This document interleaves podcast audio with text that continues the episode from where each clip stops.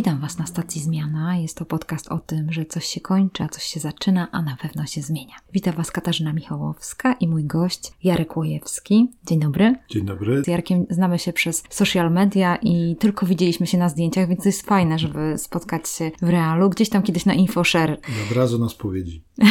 do na stacji Zmiana. Tak jak ze mną można pogadać o zmianach, o tym, czy lubimy te zmiany, czy nie, to z Jarkiem zawsze pogadacie o porażce. Co prawda Jarek jest prezesem Fundacji Dobra Porażka, co się zastanawiam, jak to jest możliwe? Co to za nazwa? Dobra Porażka, nie ma czegoś takiego. Zakładam, że zapytasz mnie, skąd się wzięła ta Dobra Porażka, Oj. to pewnie powiem za chwilę. Więc zaraz, słuchajcie, przejdziemy do rozmowy na temat porażki i wejdziemy w różne meandry tej sprawy, ale również zapytam jak zwykle Jarka o to, jak wyglądała jego kariera zawodowa, jakie on porażki może w życiu przeżył i jak to wygląda, że tym wszystkim się zaczął zajmować. Posłuchajmy.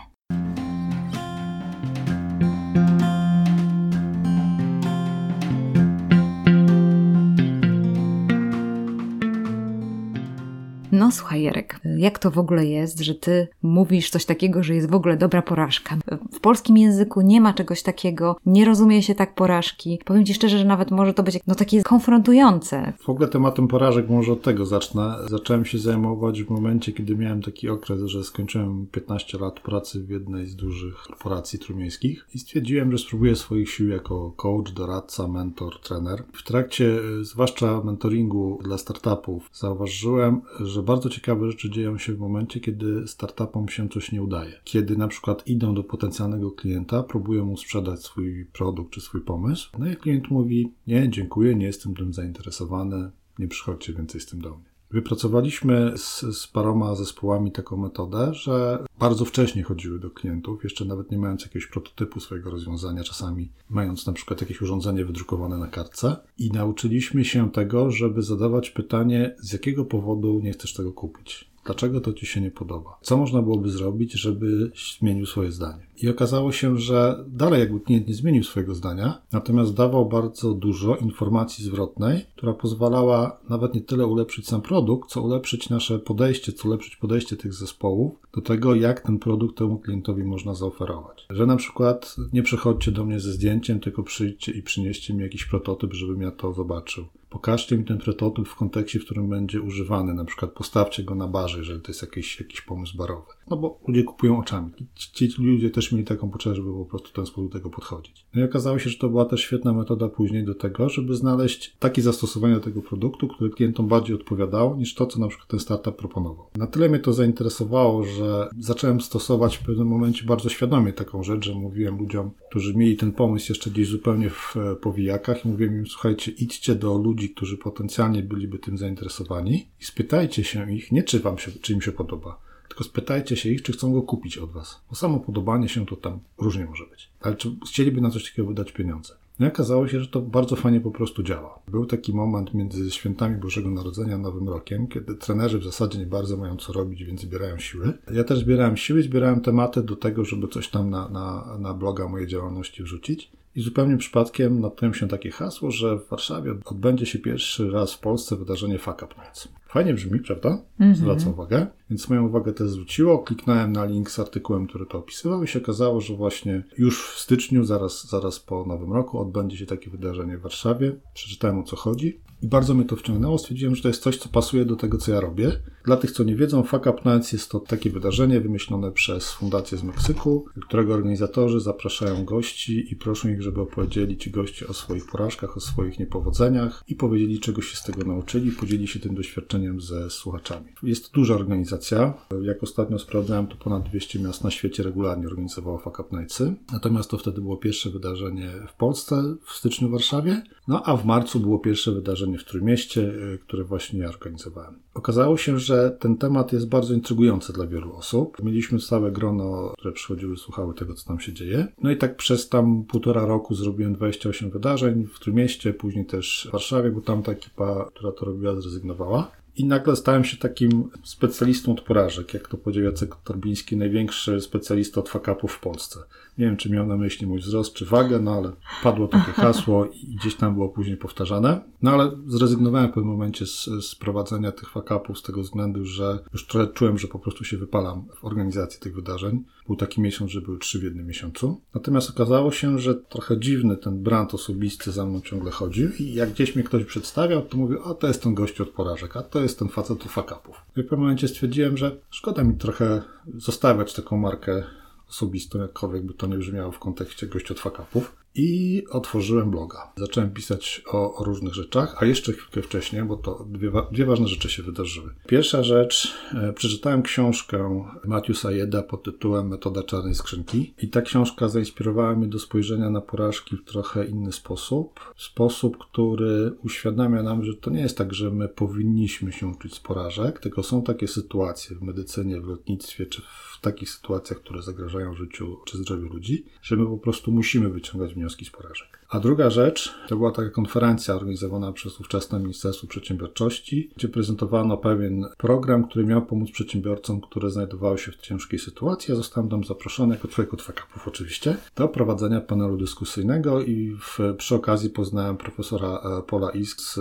Holandii. Paul prowadzi w Holandii taki byt, który się nazywa The Institute of Brilliant Failure. Ja to sobie po polsku przetłumaczyłem jako Instytut Dobrej Porażki. Paul zaczął występować i opowiadać o tym swoim pomyśle, to w pierwszym momencie powiedziałem, hmm, co ten gościu w ogóle mówi, no jak tam Brilliant Failure, o co mu w ogóle chodzi, nie? Zacznie zaraz makaron na uszy nawijać, ale snuł tą swoją opowieść, to w momencie wyciągnąłem notes i zacząłem sobie zapisywać po prostu to, co on mówił, a po spotkaniu jeszcze z nim sobie usiadłem i porozmawiałem i właśnie od, od Pola poznałem ten koncept dobrej porażki. Zresztą blog, który założyłem nazywa się dobraporażka.pl, natomiast ten blog po jakimś czasie przemienił się w fundację Dobra Porażka, no i to, co robimy w fundacji, to jest właśnie propagowanie tej idei dobrej porażki. No gratulacje Jarku, super sprawa, super robota powiem Ci. I zaskakujące jest dla mnie też to, że tak jak mówisz o tym, to mi się od razu włącza taki zmysł inżyniera automatyka, właśnie ta czarna skrzynka, nie? że masz śmieci na wejściu, śmieci na wyjściu, nie tak jak mówią o automatyce, ale tak to czasami bywa, że masz coś na wejściu, coś masz na wyjściu i musisz to zanalizować, co masz na wyjściu, więc to jest też ciekawe, że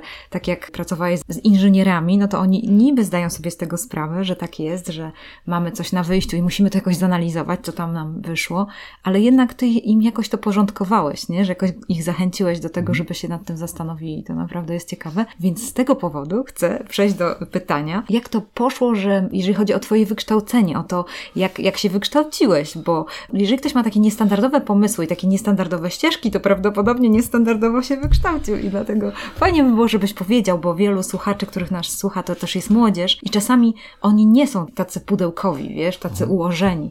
Więc to jest fajny bardzo przykład. Ja nie wiem, czy to będzie dobra wskazówka dla młodzieży, ale, ale nie, generalnie generalnie mam taką refleksję życiową, biorąc pod uwagę początek tego, co tak zawodowo powiedzmy zacząłem robić, że być może jakbym mieszkał w Stanach czy gdzieś tam w Europie Zachodniej, to byłbym jakimś cudownym dzieckiem komputerów dlatego że bardzo wcześnie, w ósmej klasie szkoły podstawowej, ja jestem rocznik 71, także sobie policzcie, zacząłem się interesować informatyką, zacząłem się interesować programowaniem, no i nie było wtedy, słuchajcie, internetu, tak jak dzisiaj, że sobie gdzieś zaglądasz, podglądasz, wchodzisz na jakieś szkolenia. Trzeba było różne rzeczy samą wymyśleć, jak coś robić. Taką rzeczą, która mnie w tej informatyce bardzo mocno wciągnęła, to były gry. Ale nie granie w gry, tylko robienie gier począwszy od, od wymyślania, jak ta galeria ma wyglądać, do, do narysowania i do napisania. No i po szkole średniej, oczywiście klasa matematyczno-fizyczna, a jakże. Oczywiście wybrałem kierunek informatyka tutaj na Politechnice Gdańskiej, chcąc kontynuować swoją karierę informatyka już tak z papierami zawodowymi. Natomiast z jednej strony było nudno na tej uczelni, a z drugiej strony wpadliśmy razem z grupą przyjaciół na pomysł, żeby założyć firmę, która będzie produkowała gry komputerowe. Myśmy wtedy w takiej nieformalnej grupie e, robili sobie tam różne cuda, programowali jakieś dziwne rzeczy na tych komputerach, które wtedy były dostępne. W pewnym momencie no, przyszła taka sytuacja, że stwierdziliśmy, że dobra, to może zamiast produkować jakieś takie głupoty, tylko żeby się chwalić, że umiemy programować, zrobimy po prostu grę. Nie było w tej chwili tak jak dzisiaj multum dystrybutorów różnych gier w Polsce. Ci, którzy byli, nie oferowali nam warunków, które były dla nas interesujące. No słuchajcie, rok 1990.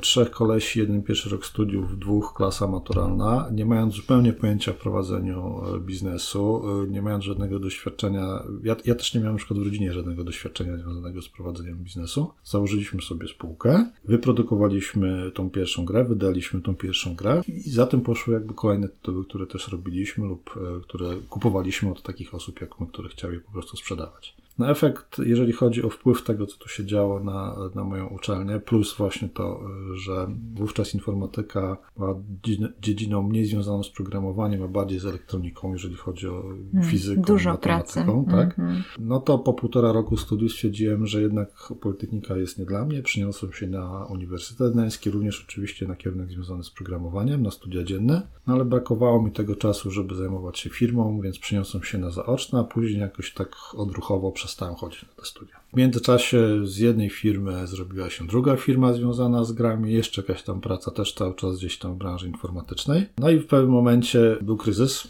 Dzisiaj wiemy, co to słowo znaczy. Mm -hmm. Wtedy dla mnie to była jakaś tam nowość. Był jakiś taki nieduży kryzys, który spowodował, że musiałem zacząć szukać gdzieś pracy najemnej. Już, już miałem rodzinę, więc to też trochę inna sytuacja była niż jak zaczynaliśmy z tymi firmami. I poszedłem do pracy w korporacji. W sumie przepracowałem w tej korporacji 15 lat, natomiast gdzieś tam w międzyczasie na jakimś etapie kariery zawodowej, bo zaczynałem od samego dołu. To takich rzeczy, co prawda, związanych z informatyką, ale bardzo prostych. W pewnym momencie, po którymś z kolejnych awansów, mój ówczesny szef powiedział mi: Słuchaj, to już jest ostatni awans, jaki tu możesz dostać. Jak chcesz startować gdzieś wyżej, to musisz mieć papiery, że masz wyższe wykształcenie. Więc zastanów się nad pójściem na studia, byle nie na psychologię wtedy wszyscy chodzili na psychologię, to po prostu chcieli mieć tylko papier. Poszedłem na studia zaoczne, skończyłem tą szkołę e, już teraz bez tam później żadnej, żadnej przerwy i tak jakoś wyszło, że patrząc kalendarzowo od roku, kiedy pierwszy raz zacząłem studia, czyli zaraz po szkole średniej, do roku, kiedy dostałem e, dyplom magistra, to minęło równiutko 20 lat. Powiem wam, że wówczas moja przygoda z tymi studiami zaocznymi była o tyle fajna, że wchodziłem tam z pewnym bagażem doświadczeń, który z jednej strony pozwalał mi lepiej zrozumieć to, czym ludzie, którzy tam wykładali. Miałem takie szczęście, że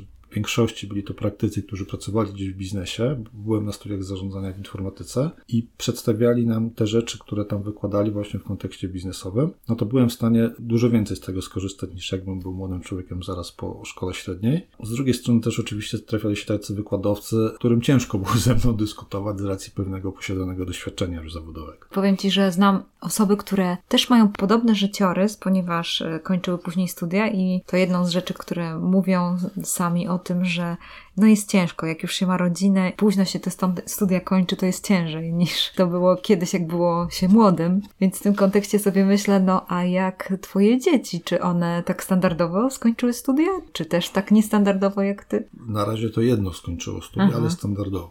Standardowo, nie, dokładnie. Nie wzięły wzoru No właśnie, właśnie, bo widziałam, też proponowałeś swego syna jako tak. super człowieka do pracy. Mi to się bardzo spodobało i myślałam sobie, że to też jest niestandardowe i, i też z tego powodu chciałam Cię zaprosić do stacji zmiana, wiesz, bo myślę sobie, że Ty kurczę, ty jakoś niestandardowo myślisz, bo wielu ludzi by nie zrobiło tak. Myślę sobie, że pewnie dostałeś bęcki od ludzi ogólnie, że swego syna promujesz, czy dostałeś, czy nie? Wiesz, a propos niestandardowego Aha. myślenia, moja żona mówi, że ja dziwnie myślę. Że...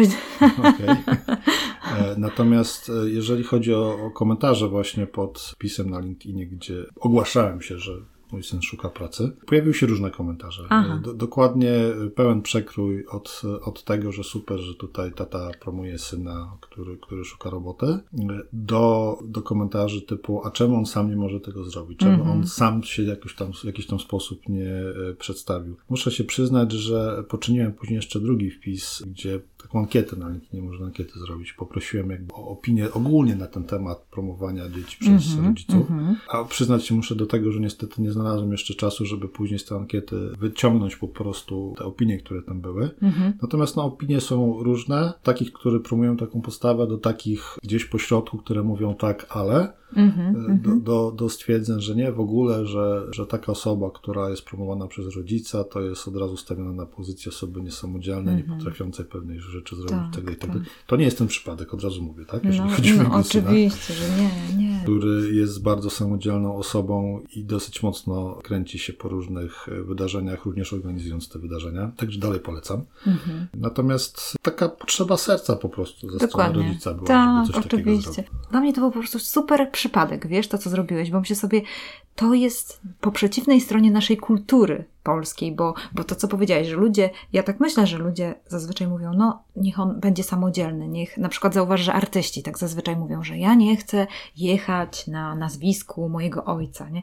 A ja myślę sobie, ale co w tym złego? No człowieku, przecież masz super zasób w postaci na przykład rodziny, która jest muzykiem albo artyści już nie musisz y, wyważać tych samych drzwi, więc ja mam wrażenie, że nie wiem, taki stereotyp, który mówi o tym, że my musimy samodzielnie wyważyć te drzwi, nie? A przecież kto najlepiej zna tego człowieka, twojego syna? No prawdopodobnie ty, bo ty wiesz, czy on jest wierny w tym, że powie, że tato, wyrzucę śmieci, sorry, zaraz skończę grać, wyrzucę śmieci za chwilę i czy to zrobi, czy nie. Czy mówi, że tam coś rozładuje zmywarkę za pięć minut, a robi to na drugi dzień i ty wiesz, czy on to robi, czy nie, czy jest wierny w tych małych rzeczach, a jeżeli będzie wierny w tych małych rzeczach, to później jak da mu jakieś większe zadanie, no to on po prostu będzie w tym wytrwały, no na przykład nie wiem, czy jest wytrwały i tak dalej. Jeżeli tato mówi, czy, czy rodzice o tym, że to jest taka rzetelna osoba, to spróbowałabym, wiesz, że spróbowałabym go przyjąć do swego biznesu. Też y, patrząc jakby na historię rynku pracy, były takie okresy, że bardzo mocno było podkreślane to, że ktoś dostał pracę dzięki komuś z rodziny. Tak? No tak, tak. To I to było tam... jakoś coś negatywnego, nie? No bo tak, taki nepotyzm tak. się kojarzy, nie?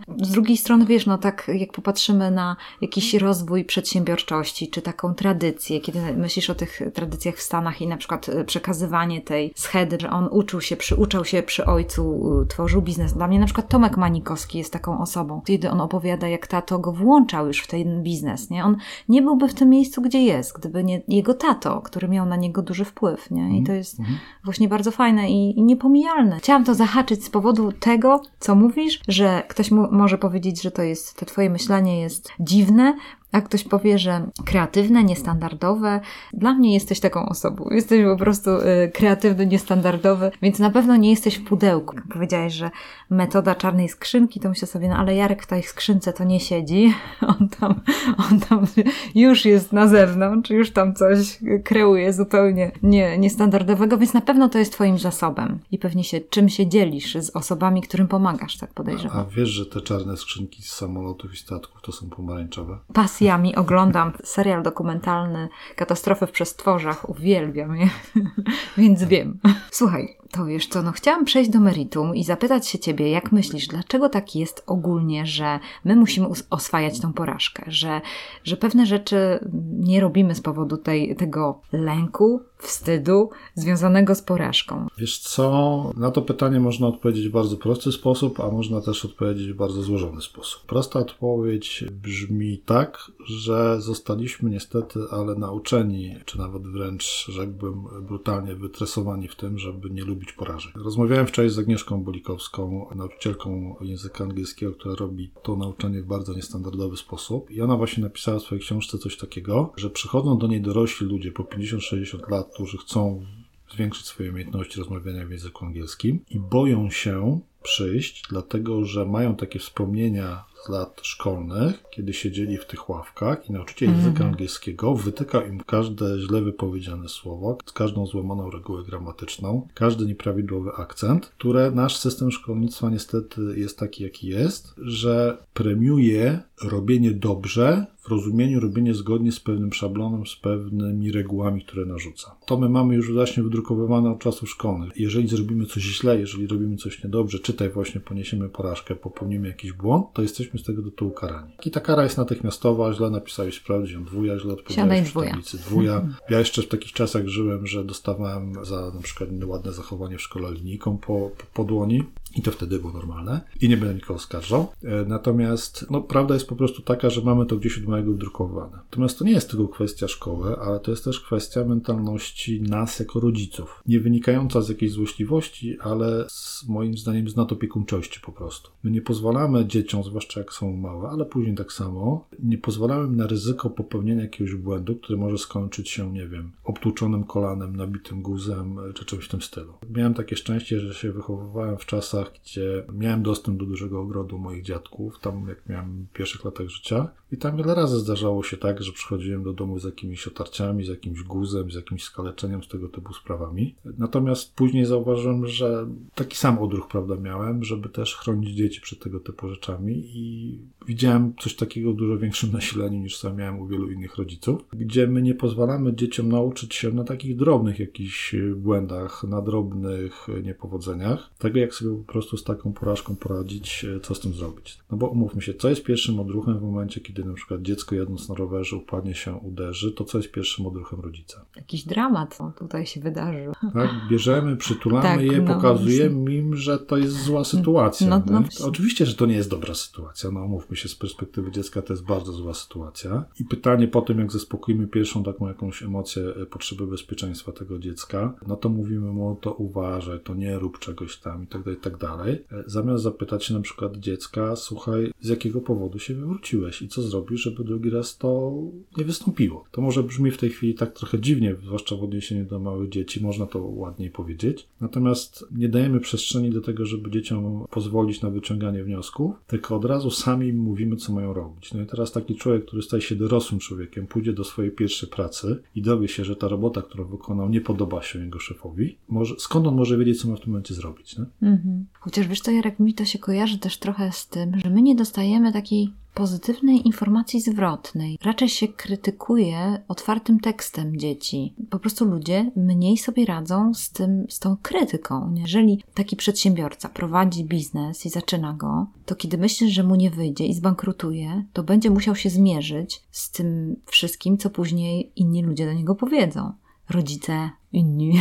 Wiesz co, bo mówiliśmy o tym, skąd my mamy taką obawę, więc ja no, zacząłem no, no. po prostu od tego, co tak. moim zdaniem ma na to duży wpływ, czyli Aha. w jaki sposób zostajemy w ogóle ukształtowani no w dzieciństwie. Tak, tak. Natomiast jeżeli chodzi o ludzi dorosłych, no to obawy przed porażką, obawy przed niepowodzeniem, czy obawy przed przyznaniem się do błędu mogą też wynikać z paru innych rzeczy. Wyobraźmy sobie taką sytuację. Jestem poważnym lekarzem, wykonuję dziesiątki operacji miesięcznie i nagle przy którejś operacji popełniłem błąd. Nieważne, czy wynikający z tego, że ja jestem zmęczony, czy po prostu prostu był to jakiś specyficzny przypadek, popełniłem błąd i pacjent mi zmarł. Więc jestem normalnym człowiekiem, więc ciężko mi się przyznać do tego, że z mojego powodu, że z powodu mojego błędu taka osoba zmarła. I to jest jakby emocjonalnie to jest normalny stan. Natomiast jeżeli mam świadomość tego, że to, że przyznam się do tego błędu, powiem, co zrobiłem niedobrze i zastanowię się razem z innymi, co zrobić, żeby na drugi raz taki przypadek nie wystąpił, to jest coś, co może uratować innym ludziom życie, to patrzę na to z innej perspektywy. Z pierwszej perspektywy patrzę na to, że stracił człowiek przeze mnie życie, to jest tragedia, to jest nieszczęście, ale też przyznanie się do tego, że na przykład jakiś tam element winy mojej był w tym błędzie, powoduje, że mogę zostać oskarżony, e, mogę stracić pracę, mogę zostać potraktowany jako osoba, która nie ma kompetencji, mogę stracić dobre imię, które mam w społeczności. To są wszystko te rzeczy, przez które się boimy. Boimy się przyznawać po prostu do błędów. I to nie dotyczy tylko takich dużych błędów, które mogą się skończyć utratą przez kogoś życia czy zdrowia, ale to dotyczy, dla wielu osób to dotyczy jakiegokolwiek błędu, który po prostu popełnili. Obawa przed tym, że sposób, w jaki są postrzegani w społeczeństwie, albo w tej grupie zawodowej, albo w rodzinie, zupełnie się po prostu zmieni. I to jest coś, co blokuje nas po prostu przed tym, żeby się przyznawać do błędu, najczęstsza przyczyna. Tu mówisz o przyznaniu do błędów, a czy to ma jakąś korelację z tym, że podejmujemy ryzyko albo go nie podejmujemy? No moim zdaniem zależność jest taka wprost. Jeżeli podejmujemy jakieś nowe działanie, to oczywiście zakładamy, że, że chcemy osiągnąć jakiś sukces. Teraz zaczynam mówić tak, jakbym Ci definicję dobrej porażki opowiadał. Więc chcemy osiągnąć ten sukces i angażujemy się w to, żeby ten sukces osiągnąć. Natomiast może się zdarzyć taka sytuacja, że z jakiegoś powodu tego sukcesu nie osiągniemy, czyli poniesiemy porażkę. No i, i każdy człowiek, który podejmuje działanie, jakikolwiek, otwiera jakiś nowy projekt, zmienia miejsce pracy, wybiera się gdzieś na wakacje, ma z tyłu głowy taką świadomość, że coś może pójść nie tak i zamiast fajnych wakacji w fajnym hotelu, przy fajnym basenie i fajnej plaży, może trafić do jakiejś zapchlonej dziury, która inaczej wygląda na zdjęciu, inaczej w rzeczywistości. Bo błędnie zinterpretował to, co widział na zdjęciach, bo wybrał złą linię lotniczą. Tak, cokolwiek innego, co się w tej sytuacji może zdarzyć. No i teraz pytanie, co powoduje, że my jednak e, podejmujemy tą decyzję i stwierdzamy, dobra, jest tam jakiś mniejszy czy większy procent ryzyka, że może się nie udać i wchodzimy w taki temat. Jeżeli się bardzo boimy takich rzeczy, to ja mam na to jedną radę, żeby nic nam się nie stało, tak? Nie róbmy po prostu nic. Jest takie przysłowie, że ten nie popełnia błędów, kto nic nie robi. Natomiast nie tyle odwaga do popełnienia błędów, co odwaga do zmierzenia się z tym, że ten błąd możemy popełnić, powoduje, że nam się chce po prostu coś nowego robić. Jak tak się przyjrzy historii, czy biznesowej, czy kulturalnej, czy artystycznej, czy sportowej, no to wiele ludzi, którzy osiągnęli sukcesy, no to kupili to wcześniej wieloma błędami, wieloma niepowodzeniami i dzięki tej odwadze, dzięki wierze w to, że te błędy nie są końcem drogi, tylko dla wielu to był początek jakiegoś nowego etapu, jakiejś nowej drogi, oni dopiero mogli osiągnąć sukces. Więc boimy się, natomiast bądźmy odważni i próbujmy po prostu robić te rzeczy. A co nam może zwiększyć tą odwagę? Może zwiększyć nam tą odwagę świadomość, czy wiedza, czy umiejętność radzenia sobie z niepowodzeniem. Tak, tą umiejętność, którą e, jako nadopiekuńczy rodzice nie pozwalamy rozwinąć dzieciom, bo nie pozwalamy wyciągnąć z tego wniosków, nie pozwalamy im popełniać jakichś drobnych błędów, które budują ich doświadczenie i później one też mogą mieć taki problem z tym, żeby pójść w jakąś sytuację, która niekoniecznie musi być ryzykowna dla ich życia czy zdrowia, ale dla emocji, no bo nie będą wiedziały, co zrobić później dalej. Czyli na przykład wtedy można by było, załóżmy jakieś zastosowanie dla rodzica, żeby rodzic sam może podjął jakieś wyzwanie, które mogłoby być takim fajnym obrazem dla jego dziecka, jak on przechodzi przez ten sukces albo porażkę, czy coś takiego jest dobrem? E, na pewno dobrym jest to, jeżeli rodzic swoim przykładem pokaże, jak sobie radzić po prostu w takich sytuacjach jak -hmm. sobie właściwie radzić, tak? No bo mhm. szukam ostatnio książki, w której były wypisane kilka rodzajów typów reakcji na porażkę i były tam reakcje typu zamknięcie się w sobie, wyparcie tego wszystkiego, zapomnienie o tym wszystkim. No i ostatnią, ostatnią z tych reakcji, która tam była, to była reakcja pod tytułem przepracowanie sobie tego, wyciągnięcie wniosków i nauczenie się, jak sobie radzić z takimi rzeczami w przyszłości. No i autor, który jest znanym psychologiem, napisał wprost, że tych wszystkich rzeczy, które tam są, tylko ta ostatnia jest rzeczą, która powoduje, że z tego zdarzenia, które się wydarzyło, któremu dla nas może jest niemiłe, może straciliśmy pieniądze, może straciliśmy jakieś inne rzeczy, może mieliśmy bardzo dużo niemiłych emocji, ale jednak coś dzięki temu zyskujemy, tak? To nowe doświadczenie i tą wiarę w to, że sobie w przyszłości poradzimy. Jeżeli nie pokazujemy dzieciom, jak my sobie radzimy z porażkami, nie dajemy dobrego wzorca, to one tym bardziej nie będą miały sobie z tym radzić. To jest takie chyba trudne też, jeżeli chodzi, jak rozmawiam z ludźmi, którzy są w jakimś teamie, pracują i widzą swego lidera, który w ogóle na przykład nie dzieli się nawet tymi porażkami, który nie mówi o tym, że coś było trudne. Ogólnie zauważ, że jest jakieś takie tabu wokół tego, nie? Że to też, to też jest jakoś takie społecznie trudne, że ktoś zaczyna, załóżmy, no przyjdzie na imprezę, no na imprezę albo do pracy, no i powie, kurczę, no coś dzisiaj fatalnie, no tam poszło, coś tam, straciłem coś tam, ileś na giełdzie czy coś, no nie wiem. No to ludzie jakoś tak może taką konsternę czują wtedy tak, że nie wiem, ale z drugiej strony myślę, że czują przywiązanie do tej osoby, myślą sobie, swój chłop mówi, co, co się złego wydarzyło, więc w gruncie rzeczy to może być też fajne, nie? Żeby się dzielić czymś. Co, a ta sytuacja, którą opisałaś, kurczę, straciłem jakąś tam kasę na giełdzie, nie? A teraz wyobraź sobie, że ten sam człowiek przychodzi i mówi, kurczę, no, straciłem kasę na giełdzie, ale już wiem dlaczego. Już wiem, z jakiego powodu tak się wydarzyło, już tego błędu nie popełnię. To wszyscy już, no powiedz, powiedz, powiedz, koniecznie, tak? podziel się. Bo to pierwsze to jest, to jest jednak dla mnie trochę takie na, polskie narzekanie. Narzekanie, tak, nie? Takie, a no to masz rację. tak, naszą kulturę. Tak. A to drugie jest pokazaniem, mhm. że no też dalej przekazujemy komunikację, mhm. coś niedobrego się wydarzyło, mhm. ale no mówmy się, mogą różne emocje towarzyszyć mhm. temu zjawisku, mhm. ale generalnie no wyciąganie wniosków moim zdaniem jest, informatyk jestem z wykształcenia, tak? Czymś najbardziej racjonalnym i ta porażka jest pewnym zasobem, który po prostu możemy wykorzystać do tak. tego, co chcemy robić dalej. Tak, ale zauważ, że to jest jednak umiejętność, że niektórzy ludzie umieją wyciągać wnioski, inni nie. Coś musisz mieć analitycznego w głowie, że jednak możesz to porównać, a niektórzy tak. ludzie naprawdę są tego pozbawieni. I wtedy, tak sobie myślę, tutaj jest ważne, żeby ta osoba sobie z tego zdawała sprawę, bo jeżeli mhm. nie umie tego robić, to może na przykład przyjść i powiedzieć, słuchajcie, straciłem kasę, ale może ktoś z Was by mi pomógł wyciągnąć wnioski. Mhm. Załóżmy, i to już by było konstruktywne, to już by był krok do przodu, że on by nie narzekał, tylko by starał się nawet może poprosić kogoś, kto by mu pomógł, żeby on mhm. znalazł tę, tą przyczynę, nie? Teraz mhm. wyobraźcie sobie wyśmiewanych coachów, w których znajduje się grupa takich coachów przez C, a nie przez K i E, którzy potrafią właśnie pomóc ludziom w takich sytuacjach, wyciągać wnioski z tego. Mhm.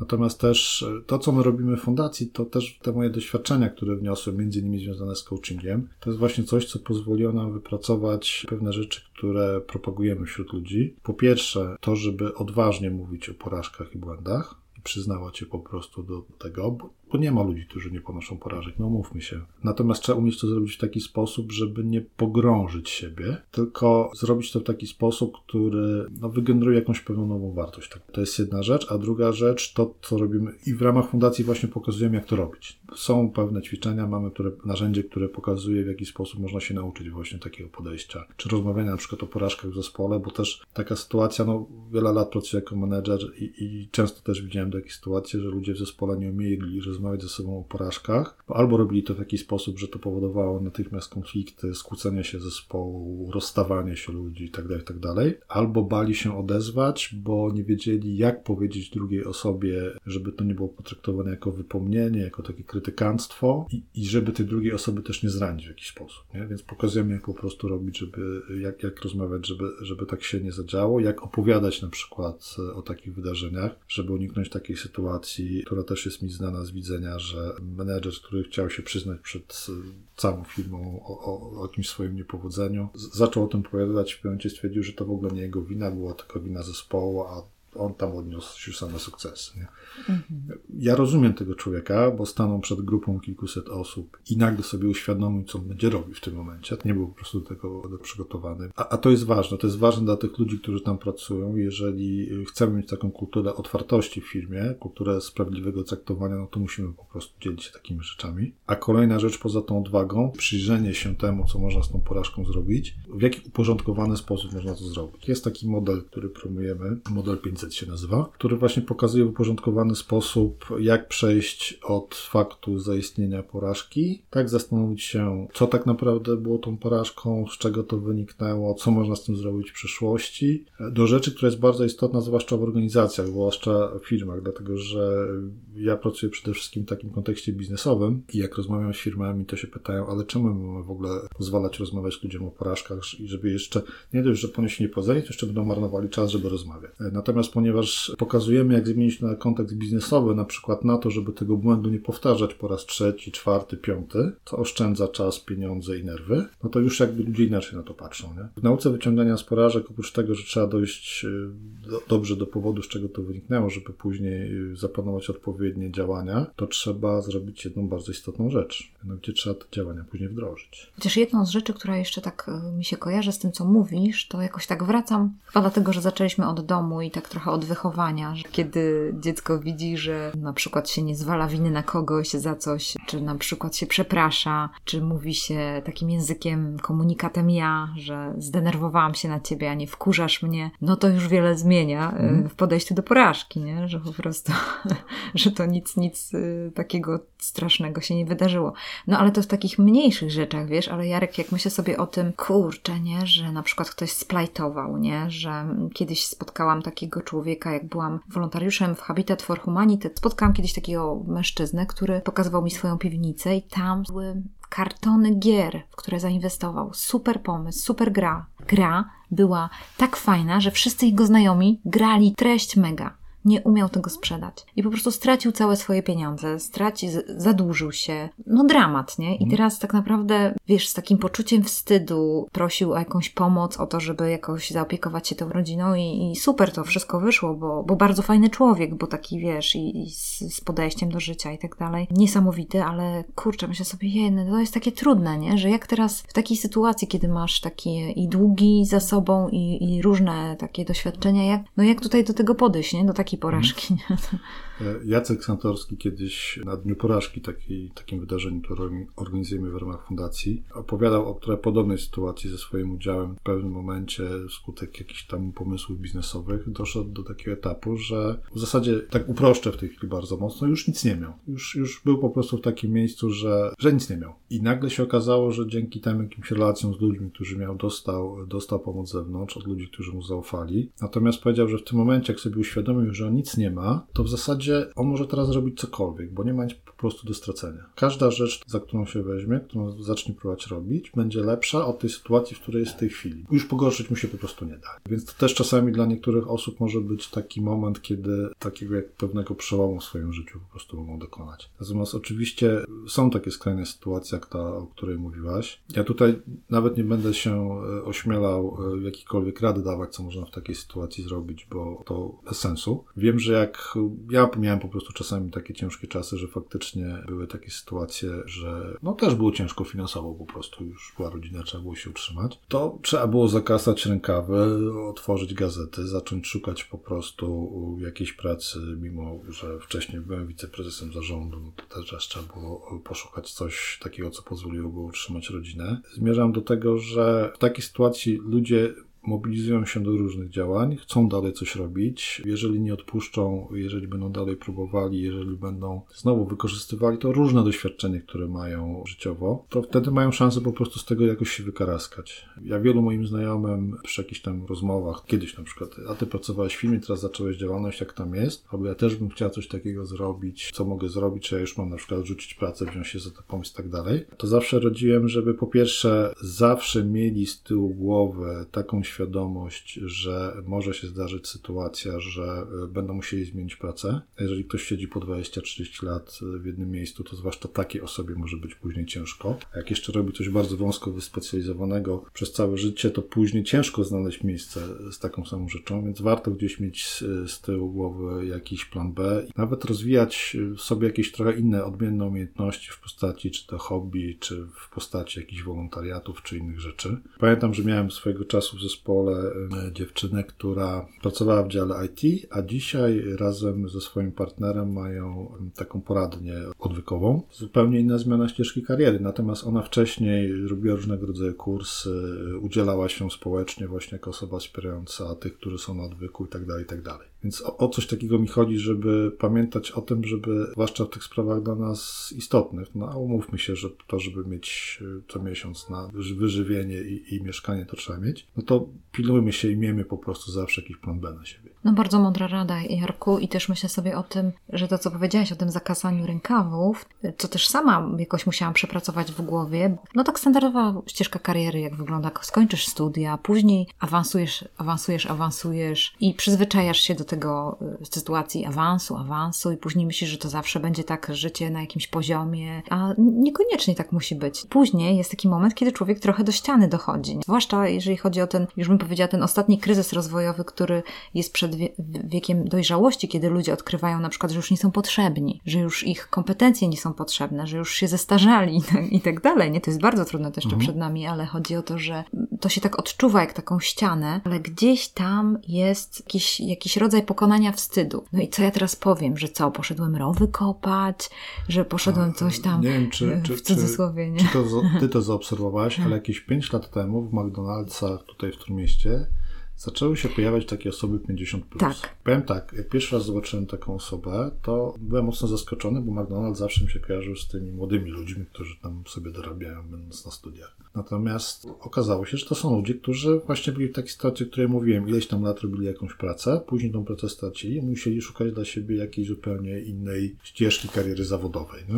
Z dostępnych, które mieli, wybrali taką. Natomiast to się wiąże z pewnym zjawiskiem, które jest bardzo mocno związane z porażką. Teraz, czy pani kierownik oddziału banku nie będzie się bała, nie będzie jej wstyd pójść do pracy w McDonaldzie? Ona właśnie to może potraktować jako porażkę i to, i to nie niepowodzenie czy błąd, tylko po prostu dużą porażkę. Ze względu na to, że nagle wysokiej pozycji gdzieś tam hierarchii zeszła gdzieś na dół. Mi się coś takiego zdarzyło też w swoim życiorysie, czy gdzieś tam, tak jak mówiłem, z pozycji członka zarządu spółki za gdzieś tam na sam dół, jeżeli chodzi o hierarchię pracowników firmy, w której pracowałem. I też mi się zdarzało później przechodzić na niższe stanowiska niż miałem wcześniej. Czasami gdzieś tam mi się pojawiało takie coś, kurka, no byłem dyrektorem, jestem kierownikiem, ale z drugiej strony były dla mnie ważniejsze rzeczy, które powodowały, że jakby nie skupiałem skupiałem się na tym, tak? Mhm. Tak mówiłem sobie, dobra, ale mam fajną pracę, mam takie zarobki, które pozwalają mi utrzymać rodzinę, mam czas na realizowanie swoich pasji i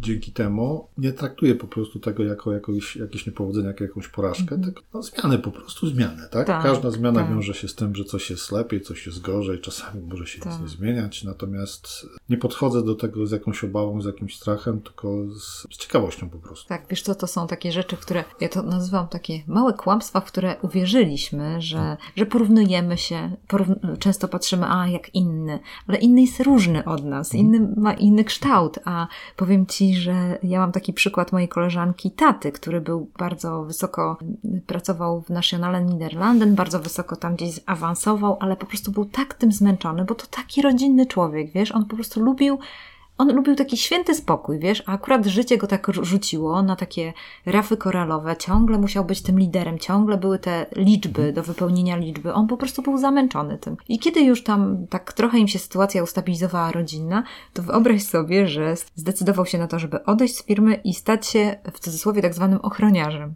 I mówi, kurczę, no to jest zawód dla mnie. I tak się śmiałyśmy z tą z moją koleżanką i mówimy, ona mówi, słuchaj, on ma w końcu czas na czytanie książek, ma unormowany czas pracy, może z, z mamą spędzać czas. To było coś tak super dla ich rodziny, że on nie był tak mega zestresowany i schorowany. Musiał się zderzyć, musiał się jakoś nauczyć, to co mówisz, tłumaczyć innym ludziom, dlaczego to zrobił, dlaczego zmienił tak swoje, swoją, można powiedzieć, no hierarchię, no tutaj był pan dyrektor, a teraz jest ochroniarz, nie? To tak myślisz sobie, no jakiś dramat. Wiesz, to też no. może być kwestia taka, że no ja w tej chwili poczuwam się, mam dużą odpowiedzialność za, za, za rodzinę. Jak za chwilę moje dzieci się usamodzielnią, to będę mógł trochę ten próg odpowiedzialności sobie no obniżyć. Nie, nie planuję w tej chwili żadnych zmian w związku z tym. Natomiast no, też mam takie sytuacje, chociażby pracuję jako coach z osobami, które chciały gdzieś tam awansować w strukturach korporacji i mówimy, ja chcę być dyrektorem oddziału banku. Ja mówię, okej, okay, a co tam jest dla Ciebie takiego fajnego? No będę miał służbowy samochód, będę, nie będzie tam nikogo nade mną bezpośrednio tutaj, żeby mi głowę zawracał, coś tam jeszcze, coś tam jeszcze, coś tam jeszcze. Okej, okay, a co ty, na tym miejscu jest dla Ciebie niedobrego? Co tam jest takiego, czego Ty nie lubisz? No nie wiem, no ale zastanów się, co taki dyrektor musi robić? Weź kartkę, wypisz sobie jakie takie administracyjne, jakieś inne czynności dyrektor musi robić. No i się nagle okazało, że na tej liście jest na przykład to, że jak będzie jakiś problem z gotówką w kasie, to on jest odpowiedzialny, że jak trzeba będzie dzwonić pracownika, to on będzie musiał to zrobić. Parę jeszcze innych takich rzeczy, gdzie nagle ten człowiek spojrzał no to i powiedział, nie, ja już nie chcę być dyrektorem. To wróciliśmy do sytuacji, to czemu chciałeś być dyrektorem? Się nie okazało, że nie dlatego chciał być dyrektorem, żeby, żeby być dyrektorem, tylko żeby mieć służbowy samochód i żeby mieć nienormowany czas pracy, taki, że on będzie mógł sobie po prostu ustawiać. Nie? I został, został przedstawicielem handlowym no, w oddziale banku, w którym pracował, no. bo to wszystko mu to dało, nie? Tak, zdejmując tak. jakąś tam odpowiedzialność, która była na tym dyrektorze. Więc tutaj w trakcie lockdownu, który miał niedawno miejsce, y, przeprowadziłem taką serię rozmów pod tytułem um, pracy Utrata to nie koniec świata, rozmawiałem z, z, różnymi ludźmi właśnie w tym kontekście mądrymi i też bodajże z Małgosią Zarębą, jak rozmawiałem, rozmawialiśmy o tym, że poszukiwanie pracy to jest w ogóle projekt. No i Małgosia właśnie powiedziała, że też trzeba spojrzeć na to, co, co się w tym momencie dzieje, w takiej sytuacji, która dla wielu jest pewną porażką, bo utracili jakąś pracę. Czy na przykład nowa praca to jest wynik ambicji, czy konieczności utrzymania rodziny. Jeżeli to jest wynik ambicji i mamy możliwość poszukania przez bliższe pół roku takiego stanowiska, jakie nasze naszej ambicji odpowiada, no to sobie to róbmy. Natomiast jeżeli mamy konieczność utrzymania siebie czy rodziny, no to wtedy zastanówmy się, jaka praca nie będzie nas odrzucała, albo w jakiej pracy wytrwamy, przynajmniej do czasu znalezienia czegoś lepszego, mając z tyłu głowy ten kontekst, jestem tu nie dlatego, że mi się podoba, a dlatego, że mam coś do osiągnięcia przez to. Nie? Mhm.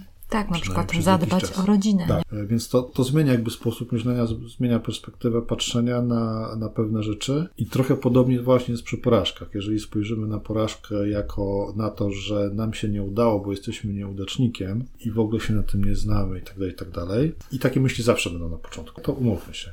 Natomiast jeżeli nauczymy się przechodzić z tego stanu do stanu pod tytułem OK, to już się wydarzyło, to już jest za mną i teraz co dla mnie z tego wyniknęło, tak? Jakie są bezpośrednie konsekwencje, jakie są pośrednie konsekwencje, co mogę z tym wszystkim dalej zrobić, to jak się nauczymy w ten sposób działać, to po pierwsze nie będziemy się podejmowa- bali podejmować jakichś odważniejszych działań w przyszłości, bo będziemy wiedzieli, co sobie z tym zrobić, a po drugie właśnie przejdziemy ze stanu takiego, który Asia Chmura nazwała żałobą po porażce, do stanu właśnie działania, czyli wychodzenia już z tej żałoby i zajmowania się czymś kreatywnym zamiast rozpamiętywania tego, co tam nam się wydarzyło. Yy, tak jak mówisz, nie? o tej odwadze, że ta odwaga no to właśnie tak mi się kojarzy trochę z takim, no boję się, a robię to. To jest jedno na pewno z definicji, ale też takie trochę pokonanie wstydu, bo jednak czasami, że, że wejdziemy i w coś odważniej, no, za, zadziałamy jakoś inaczej, niestandardowo, to na pewno jest powiązane z, z tym, że pojawi się jakaś ocena, że ktoś powie źle siadaj dwuja, bo źle mówisz, bo jeszcze to nie jest wystarczająco dobre, bo... No to, to jest często buduje w nas taką blokadę, żeby na przykład nie próbować robić czegoś nowego, żeby nie testować jakiegoś nowego pomysłu. Z drugiej strony, ja też zachęcam na przykład do tego, żeby jeżeli mamy problem z tym, jak sobie radzić z niepowodzeniami, żeby stawiać siebie w takich niekomfortowych sytuacjach, i nie mówię tutaj o wychodzeniu ze strefy komfortu, tylko o stawianiu siebie w niekomfortowych sytuacjach, zaraz wyjaśnię różnicę, po to, żeby w miarę bezpiecznych warunkach nauczyć się tego, jak przeżyć tą porażkę, jak przeżyć te emocje i jak z tych emocji po prostu wychodzić. Jak pracowałem w dużej korporacji, która miała duże call center, to tam pracownicy byli uczeni w jaki sposób reagować na rozmowy z klientami, którzy dzwonią i na przykład zaczynają rzucać mięsem w stronę tych pracowników. Wyzywają ich, brzydko się wyrażają itd., tak itd. Tak uczyli się reakcji na to. Natomiast jedną z najważniejszych rzeczy, którą się uczyli w trakcie takiego ćwiczenia, które ćwiczenie polegało na tym, że trener z drugiego pokoju dzwonił do takiego pracownika i po prostu go wyzywał, tak samo jak ci klienci. Najważniejszą rzeczą, którą się uczyli, to było to, co się ze mną dzieje, jak ja coś takiego przeżywam, jak ja coś takiego słyszę. Jeżeli ktoś mi powie, co ja mogę zrobić, jak się zachować w takiej sytuacji, to ja też prędzej przejdę przez te niedobre emocje i przez na przykład taką chęć, żeby temu drugiemu odpowiedzieć w taki sam sposób. Tylko ja muszę po prostu poznać, jakie emocje to we mnie wzbudza. Ja pamiętam, że jak pierwszy raz w życiu śmiertelnie się przestraszyłem, sytuacja była w ogóle śmieszna, bo to było tak, że były podchody w nocy nagle grupa, którą e, goniliśmy, ktoś z tej grupy wyskoczył, las, cmentarz, normalnie klasyka. Wyskoczył po prostu ktoś e, z latarką, poświecił nam po oczach i krzyknął u. Ja się wtedy tak przestraszyłem, że mnie po prostu zamurowało i chyba przez 5 minut tak mi się wydawało. Zacząłem zastanawiać, co ja w tej sytuacji mam robić, a dosłownie zamarłem, tak? Nic, nic nie byłem w stanie się po prostu ruszyć. To 5 minut to oczywiście były jakieś pewnie za 2-3 sekundy, natomiast szybko myśli mi przebiegły przez głowę, odwróciłem się i zacząłem uciekać, nie? No taki najbardziej naturalny odruch. Natomiast ja wiem, ja wiem dzisiaj, jak w sytuacji tak ekstremalnego strachu się zachowia, to w tej chwili jeszcze czuję. I co powinienem po prostu robić w takiej sytuacji. Niekoniecznie zawsze musi być ucieczka. Natomiast już wiem, że, bo już miałem później jeden czy dwa razy podobny przypadek w trochę bardziej tragicznych sytuacjach, Wiem po prostu, jak się w takim momencie zachować. Bo już to przeżyłem, przemyślałem sobie, poczytałem gdzieś już później, będę trochę doroślejszym, porozmawiałem sobie z ludźmi, więc po to jest to trenowanie. Także możemy w podobny sposób trenować porażkę. Na przykład biorąc udział w jakimś wydarzeniu jako wolontariusz korporacji, na które byśmy sami się nie zdecydowali. Stawiając siebie w takiej niekomfortowej sytuacji na jakiś tam czas, wiedząc z jednej strony, że nic nam z tego tytułu nie grozi poza jakimiś tam emocjami, ale z drugiej ćwicząc po prostu radzenie sobie z tymi emocjami, z tym, co z nami się dzieje, później będzie nam łatwiej pokonać te emocje związane z porażką. A mówiłem, że nie chodzi mi o coś, co, co różni doradcy nazywają wychodzeniem ze strefy komfortu i, i, i to ma pomóc nam coś zrobić bo to jest taki trochę mit. Nie jesteśmy w strefie komfortu, tylko czujemy na przykład jakieś zagrożenie, jakąś nieprzyjemność, coś nas kuje w bucie, to my myślimy tylko o tym, co jest niedobre, a nie o tym, żeby wykreować jakąś wartość nową. Jak, mhm. jak po prostu tej nieprzyjemności uniknąć, to, to, to, bardzo ogranicza naszą zdolność do wymyślania czegoś nowego. Ja mam tak, e, tego przyjaciela, który jest liderem w dużej korporacji i on jest mega człowiekiem nastawionym na cel. Ale jedną z rzeczy, którą sobie postawił taki osobisty, to co mówisz może to jest, bo to nie jest wychodzenie ze strefy komfortu, tylko to jest spróbowanie czegoś, że on stwierdził, że za mało rozmawia z ludźmi, dlatego cały tam miał taki duży zespół, zrobił sobie kalendarz i z każdą osobą chciał e, przynajmniej porozmawiać dwa razy w roku. To było ciekawe dla niego, bo mówił, że, że to było takie otwarcie się na ludzi i wysłuchanie ich. Po prostu, że oni przychodzili do niego, tam była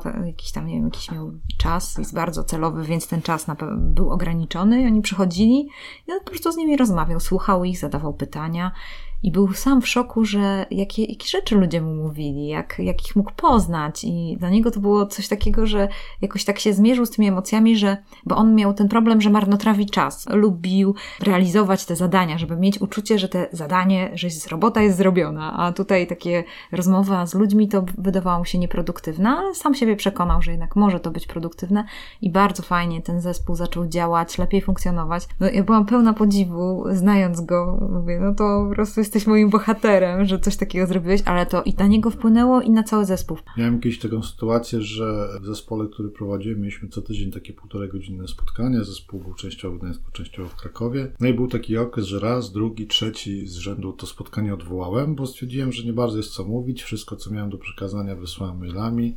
Jak ktoś mi coś chciał przekazać, to zadzwonił albo przesłał mailem i tak dalej. No, w pewnym momencie zadzwonił jedyny męski reprezentant tej części zespołu z Krakowa i mówi do mnie, słuchaj, a czemu odwołujesz te spotkania? No to ja mówię, słuchaj, no bo właśnie tak jak powiedziałem przed chwilą. A on wtedy mówi, no ale my byśmy też chcieli czasami po prostu pogadać, wymienić się jakimiś tam rzeczami i tak dalej, i tak dalej. To właśnie był też taki moment, który mi otworzył oczy, że rozmowy z, zwłaszcza ze swoim zespołem, z pracownikami, ze współpracownikami, to, to nie jest marnowanie czasu. To jest po prostu po pierwsze element tej pracy, a po drugie działa to dokładnie tak, jak powiedziałaś na przykładzie tego kolegi, że powoduje, że jest wszystkim zespole przyjemniej, lepiej, czujemy się bardziej jako zespół i lepiej pracujemy. Ja wiem, że to może być potraktowane jako cytat z mądrej książki, ale ja to po prostu przeżyłem nieraz. Teraz pandemia, praca z domu dla mnie jest super wygodna, bo Aufstand am godzinę, półtorej czasu dziennie na drogę. Z każdym zawsze mogę się dzwonić przez komputer czy przez telefon, porozmawiać. Od czasu do czasu jadę do biura i ja wracam z takim poczuciem, że zrobiłem dwa razy więcej niż, niż normalnie pracując w domu. Nie chodzi o to, że tam ileś tam zadań, które mam do zrobienia nie zrealizowałem, tylko jeszcze poza realizacją tych zadań porozmawiałem z ludźmi, wyszły z tego pewne jakieś nowe rzeczy, których ja się w ogóle nie spodziewałem. Także ja nie wierzę, że mhm. pandemia spowoduje, spowoduje, że nie wrócimy do, do pracy takiej na żywo, bo my jako ludzie po prostu tego potrzebujemy. Zmierzając do finiszu naszej rozmowy, z pewnością wiele osób pyta Cię o to, więc podejrzewam, że masz przygotowaną na to odpowiedź, żebyśmy mogli jakoś podsumować tą naszą rozmowę. Dotknęliśmy kilku rzeczy związanych z, z tą dobrą porażką. Jakbyśmy mogli to podsumować w takim krótkim naszym zakończeniu. Jakby ktoś Ci zadał pytanie, jak to zrobić, żeby ta porażka była dobra, żeby była takim moim dobrem. Co byś powiedział? Najważniejsza rzecz, którą musimy zrobić, w zasadzie dwie rzeczy. Pierwsza to jest taka. Musimy sobie uświadomić, że nie da się przejść życia bez niepowodzeń które będą wynikały albo z błędów, które my popełnimy, albo z jakiejś sytuacji zupełnie zewnętrznej, która będzie miała wpływ na nasze działanie, czy biznesowe, czy prywatne, czy, czy, czy będą gdzieś zatrudnione. Miejmy po prostu tego świadomość i w związku z tym, że wiemy już, że tak się wydarzy, to musimy się przygotować do tego, że musimy sobie z tym jakoś poradzić. Czyli to ćwiczenie, o którym e, mówiłem wcześniej, dajmy sobie szansę na przeżywanie jakichś drobnych niepowodzeń, nawet prowokujmy jakieś takie sytuacje, które e, mogą być e, niepowodzeniami. Chociaż wczoraj akurat miałem taką rozmowę, że jak, jak o coś nie poprosisz, to tego nie dostaniesz. No to jest też taka sytuacja, która może być potraktowana jako właśnie ćwiczenie niepowodzenia, a potem się często okazuje, że jednak dostajemy to, co prosiliśmy. To prawda. I to czasami jest bardzo śmieszne. Natomiast druga bardzo ważna rzecz, dajmy sobie po tym, jak już te emocje po tej porażce nas opadną, jak te emocje wybiegamy, albo wyśpimy, albo przeczytamy sobie jakąś książkę, albo zagramy jakąś grę, która pomoże nam się z tego, z tych emocji, które nam nie pasują w tym momencie uwolnić, to dajmy sobie szansę na zrobienie czegoś z tym, co przeżyliśmy, tak? Wyciągnijmy z tego po prostu wnioski i zastosujmy te wnioski. Zadziałajmy coś z tym. Asia Chmura, o której już dzisiaj wspomniałem, powiedziała, że właśnie to, co jest po porażce, to jest taki okres żałoby i my musimy tą żałobę przeżyć i musimy później coś zadziałać i przepracować tą porażkę, e, bo znowu cytując Asię, nieprzepracowana porażka, gdzieś tam schowamy jakby w głębi siebie, to siedzi w tej piwnicy i pakuje bicepsy. I ona potem będzie silniejsza od nas, jeżeli coś z nią nie zrobimy. Mhm. Fajnie, bardzo fajnie. Jarku, bardzo Ci dziękuję za to, co robisz i za to, że no, pomagasz wielu ludziom w tym, żeby jeżeli tego nie dostali kiedyś, jak byli młodsi, to teraz, że mogą się nauczyć tego, jak przejść przez, e, przez porażkę, jak sobie z nią poradzić, jak to, jak to zrobić. Więc dziękuję bardzo za Twoją pracę i za to wszystko, co robisz w fundacji i fajnie, że nie zostawiłeś tego. To mnie bardzo cieszy. E, jeszcze raz dziękuję za zaproszenie, Wam dziękuję za wysłuchanie i dziękuję bardzo serdecznie serdecznie wszystkim osobom, które wspierają mnie w tym działaniu, bo to nie jest tak, że sam to robię, ale też te osoby, których nazwiska nawet dzisiaj wymieniłem, e, bardzo dużo tutaj pomagają i wspierają mnie i fundację w tej działalności, którą prowadzimy. Mhm. Ja również dziękuję bardzo. Do usłyszenia.